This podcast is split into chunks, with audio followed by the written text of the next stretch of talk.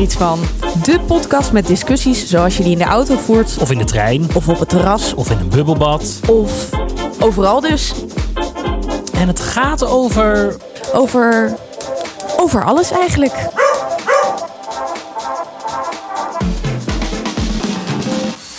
Ik twijfel erg over wat voor dag het is. Het is donderdag. Het is donderdag. Het is donderdagavond. en ik kijk naar Annemiek. En we hebben gewoon weer onze eerste reguliere aflevering sinds we niet meer aan quarantainejournaals doen. En dat betekent dat we elkaar dus vijf dagen niet hebben gesproken? Nee, dat kan bijna niet. Ik denk het, zoiets. Ja, Oh. vijf dagen. Heb je me gemist? Ja, ik heb je nog wel even gebeld in de tussentijd. Ja, dat omdat ik je het. zo miste. Ja, ik dat vond het was echt het. nodig. Ja, dat klopt. Dat maakt Nee, het dan maar toch wel op goed. We zeiden net tegen elkaar, ergens is het wel fijn, want je kan je weer op andere dingen ook concentreren. en je hebt wat meer avonden vrij. En eh, ik merk nu alweer dat er allemaal drukte op me afkomt. Dus wat dat betreft is het fijn. Ja. Maar ik mis, ik weet niet, het, het heeft wel iets dit. Wat ik zei, dat dagboek. Dat, Ja. nou ja, Ja. dat eh, een klein beetje mis ik het wel, ja. Ja, dat snap Jij ik. dan, ik heb Ben? precies hetzelfde. Maar ik vind het ook fijn weer dat we gewoon weer doen alsof het leven weer gewoon is. En ik vind het ook leuk dat zeg maar, we onze volledige energie nu hierop kunnen gooien. Ik Ja. heb nu alweer zoveel zin om dingen te vertellen en te zeggen en Ja, te reageren. ja vooral dat hè. Dat is heel goed. Wil je meteen van, eh, van wal steken? eh? Ja, want eh, mijn vindje van de week is onverwacht heel erg actueel. Oké. Terwijl ik er eigenlijk al een beetje mee in mijn hoofd zat. Want ik vermoed dat we het vandaag nog wel gaan hebben over eh, eh, Black Lives Matter. Mhm. Ehm, maar wat ik er over. Ik wilde eigenlijk reageren op iets wat wij ons vorige reguliere aflevering gezegd hebben. Oh. eigenlijk op één daarvoor nog. Want we hadden het natuurlijk over colorblind casting of casting. Het is maar net hoe je het wil zeggen. In welk land je woont? Eh, ja, of je van Londen of New York houdt. Ja. Ehm, maar ehm, toen op een gegeven moment hadden we daar hele gesprekken over. En toen zei ik vorige week van ja, weet je, eigenlijk is het toch ook wel als het familie is, dan eh, zouden ze een beetje op elkaar moeten lijken. Tenminste, daar kwam mijn argument op neer. Maar eigenlijk ben ik best wel boos op mezelf dat ik dat gezegd heb. Want ik vind eigenlijk dat theater bij uitstek, of in ieder geval laten we het hebben over kunst, het medium is waarin je volkomen lak moet hebben aan of iets realistisch is, ja of nee. Het gaat niet over realisme. Theater gaat juist over je verbeelding. En dan kan het heel goed, ongeacht welke huidskleur je hebt, dat je eh, de mama of de papa van iemand bent met een andere huidskleur. Waarom niet? Nou, daar kan ik dan toch iets tegen inbrengen. Want ik, in, in basis ben ik het met je eens. Maar het heeft een beetje te maken met de setting van het hele stuk. Als je ervoor kiest om mensen wel helemaal authentiek aan te kleden. En dus de kostuums te geven uit die tijd. Dan, ze- en dan zeker, want dan gaan we het nog een keer over hetzelfde personage hebben. Dus dit is volgens mij nu aflevering drie. Dat we over Eponine gaan praten. Ja. Uh, maar in, in de voorstelling zit ook een kleine eponine. Ja. Ehm, Dus uh, uh, d- dan, dan moet je, vind ik, daar wel rekening mee houden. Dat de kleine eponine misschien wel een beetje in de lijn ligt van de grote eponine.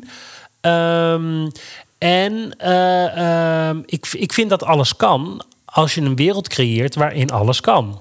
Ja. Maar als je Ja, gaat proberen zo dicht mogelijk bij de waarheid, hè, tussen aanhalingstekens, te komen, dan, is het, uh, da, da, dan kan het lastig zijn. En misschien verwarrend. Want ik moet zeggen, ik ken natuurlijk Les Miserables door en door. Dus ik uh, volg de hele verhaallijn. Maar je hoort wel vaker dat dat best ingewikkeld is. Het is een super ingewikkelde verhaallijn. Ik weet nog heel goed de eerste voorstelling die ik zag. En toen opeens was daar een burgemeester. En die ging een koets optillen. En ik denk, wie is die man? Weet ik veel. Want dat was, dat was in mijn geval Henk Poort. En, maar die leek helemaal niet op die Henk Poort... die twee minuten geleden nog helemaal als een zwerver eruit zag... met een lange baard en zo.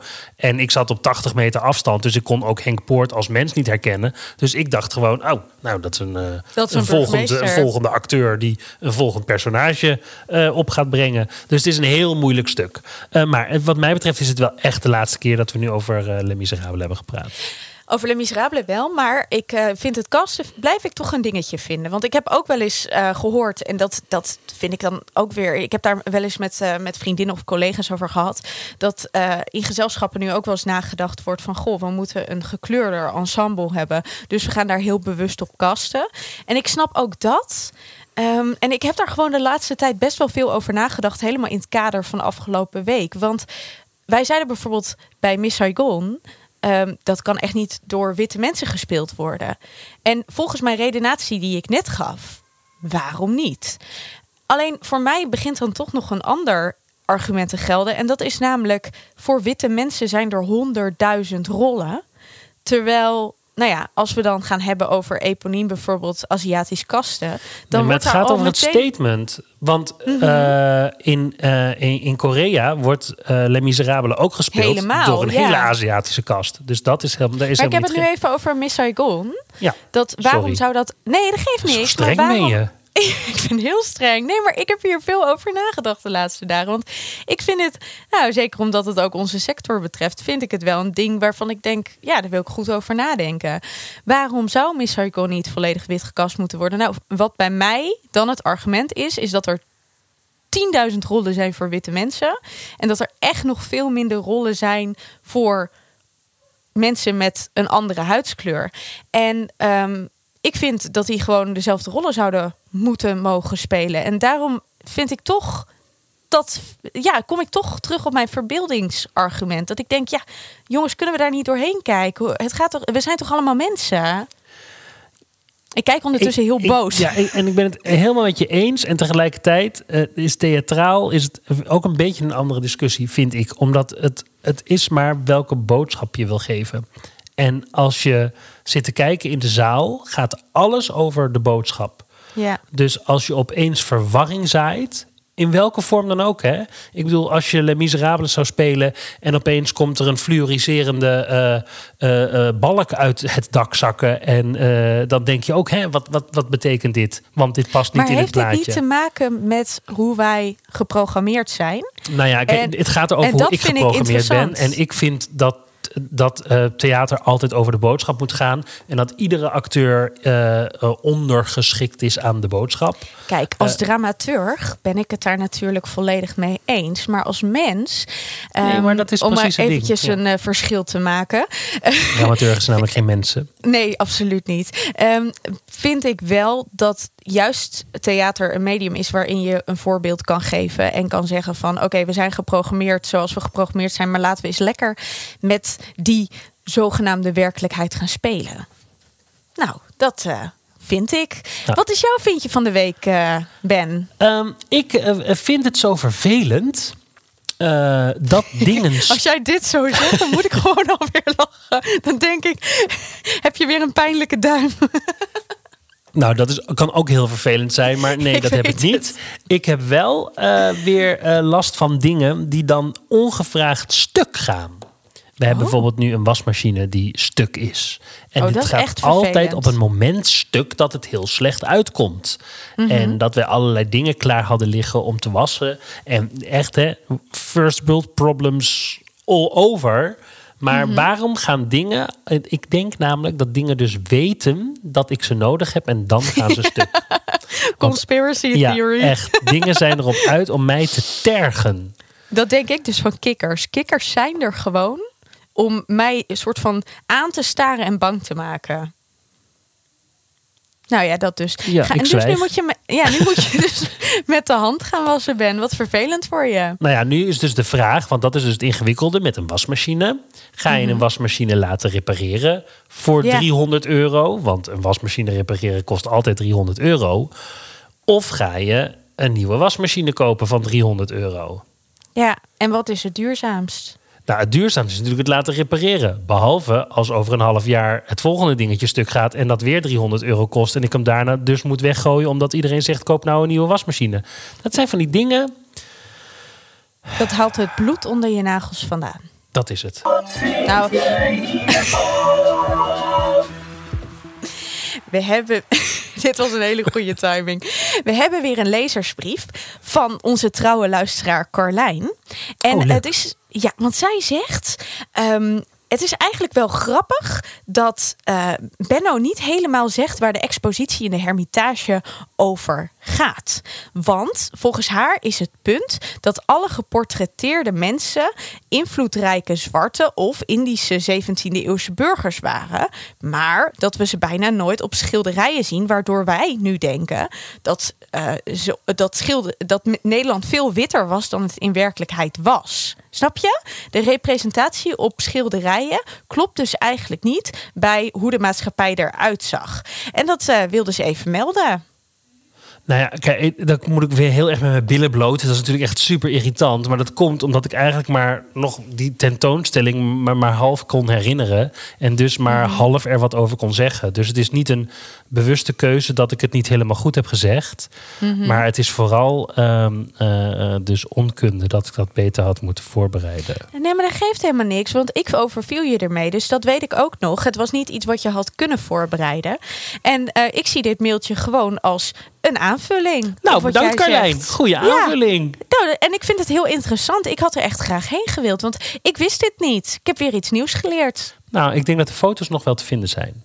Ja, toch? Van de schilderij. Ja, ik zag uh, tijdens het zoeken naar de show notes, uh, waar ik trouwens, dan moet ik weer eventjes nu hand in eigen boezem steken, de verkeerde tentoonstelling opgezet had. wat, mij,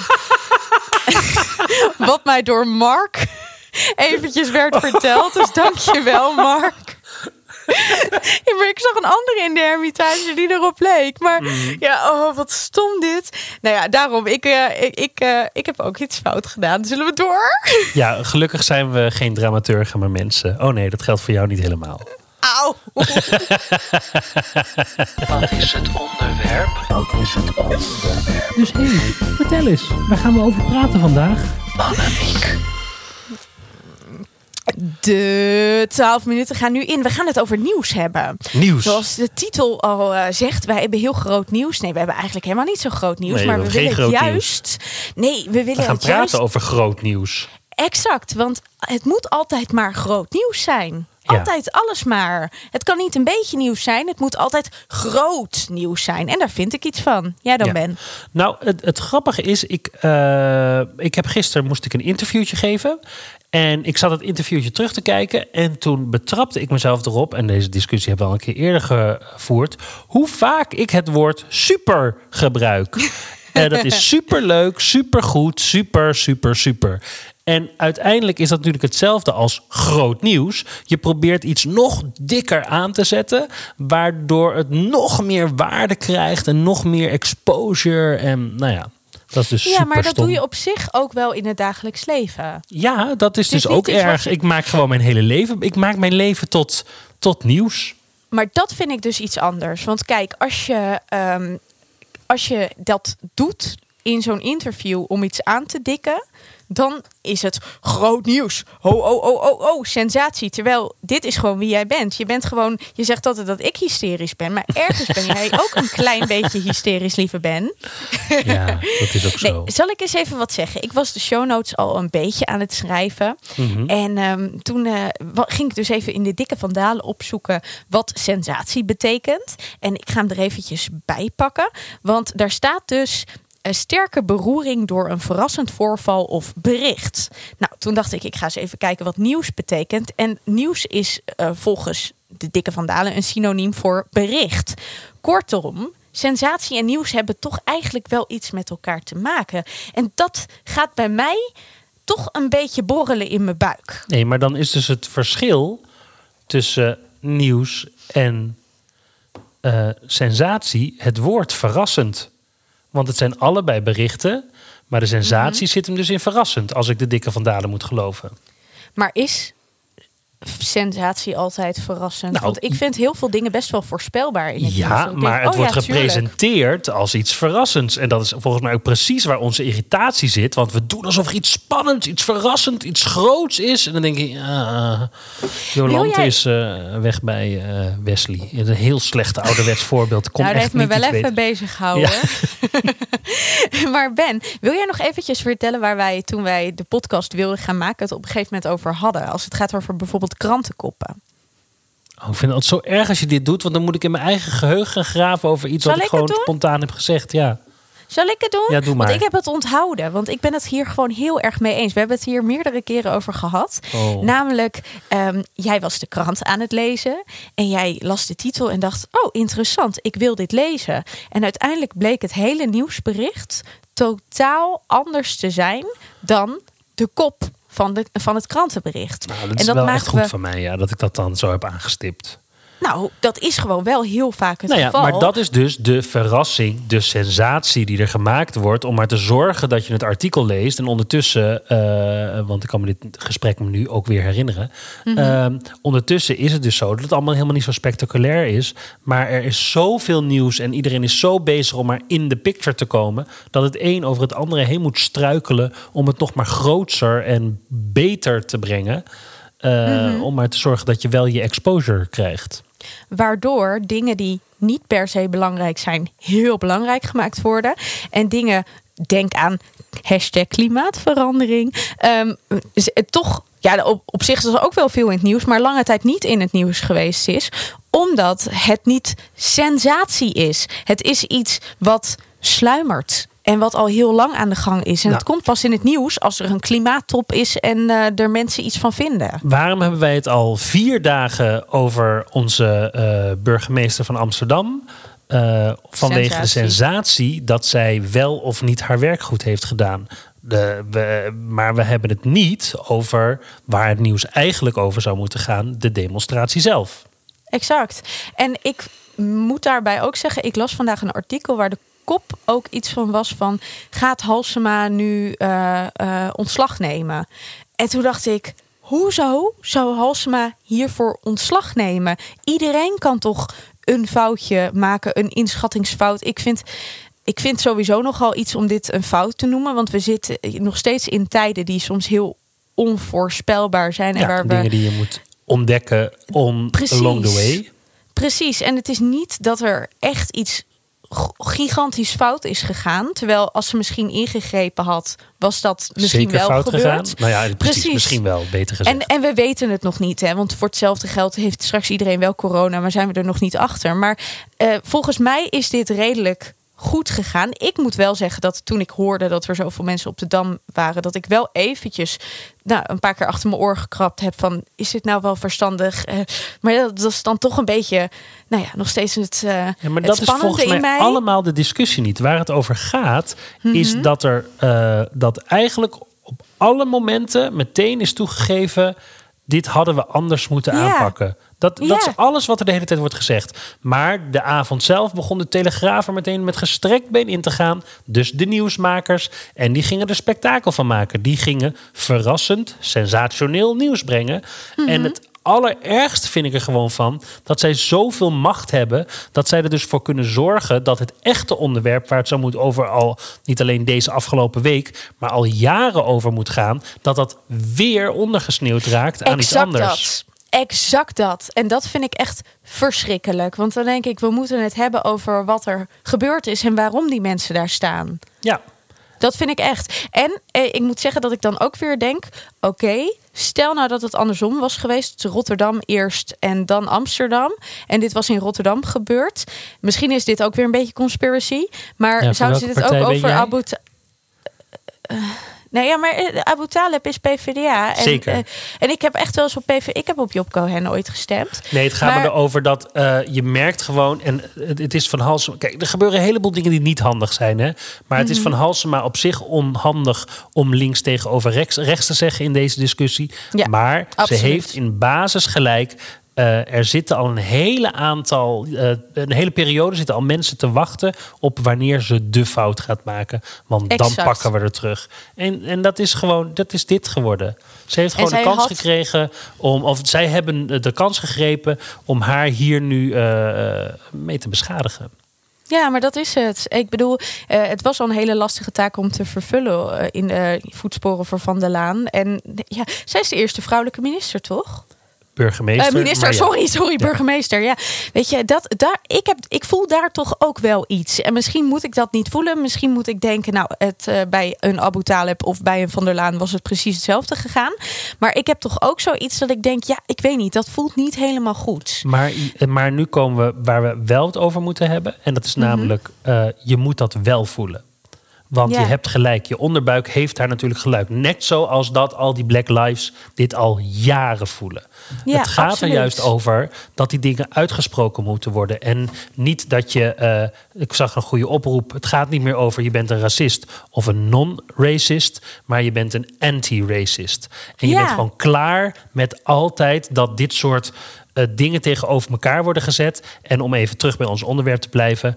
ehm, het nieuws heeft daar fucking veel invloed op. Ik hoorde is gisteren echt- een, een item over eh, Afghanistan, geloof ik, op de radio. En eh, een paar jaar geleden, het was allemaal heel veel gedoe en oorlog en je kon er niet op straat lopen. Dat riep het nieuws. En toen was er een verslaggever die ongeveer met een helm en een eh panzerwagen eh, dat land inging. En die dacht, er is hier eigenlijk veel minder aan de hand dan dat het nieuws je doet geloven.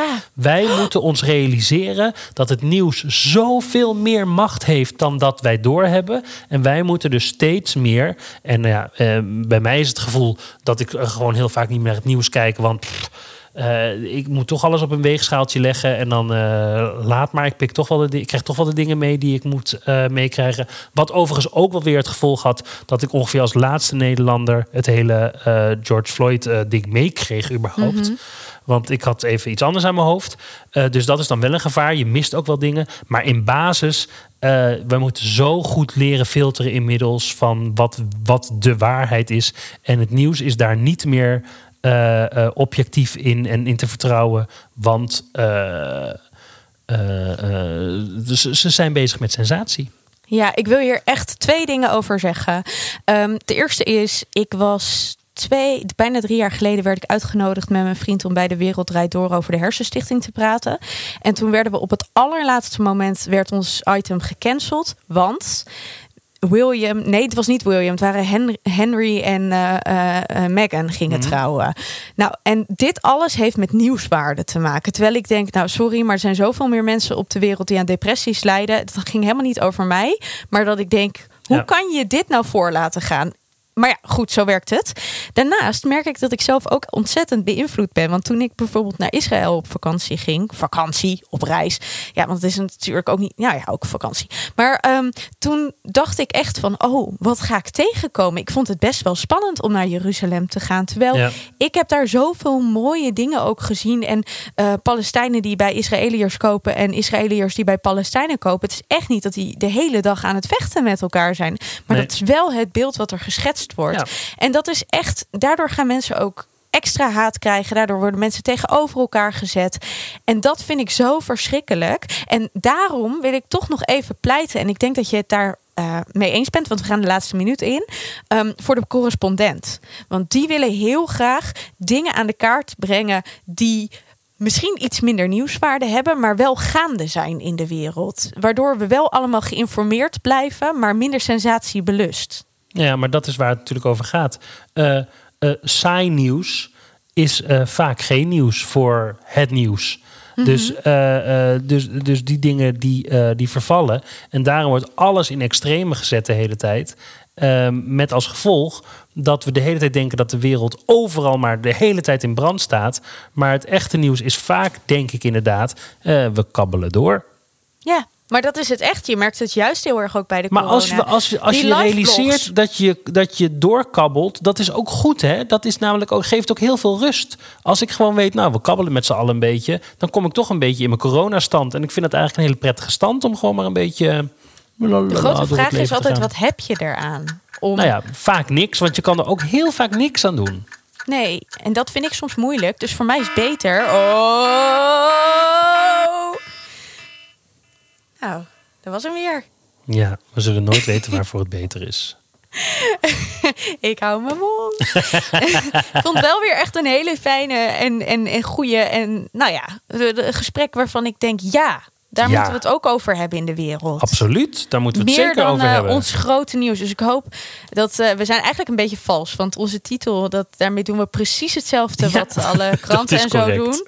Maar misschien doen we dat wel juist uit statement. We doen dit. Ja, oh, eh, dat is een beetje gevaarlijk. Hè? Dat, gebeurt in theater ook heel veel. Dat je ergens op afge- afgerekend wordt. Dat je zegt, nee, het was een keuze. Terwijl ja, soms gebeuren er dingen ook gewoon.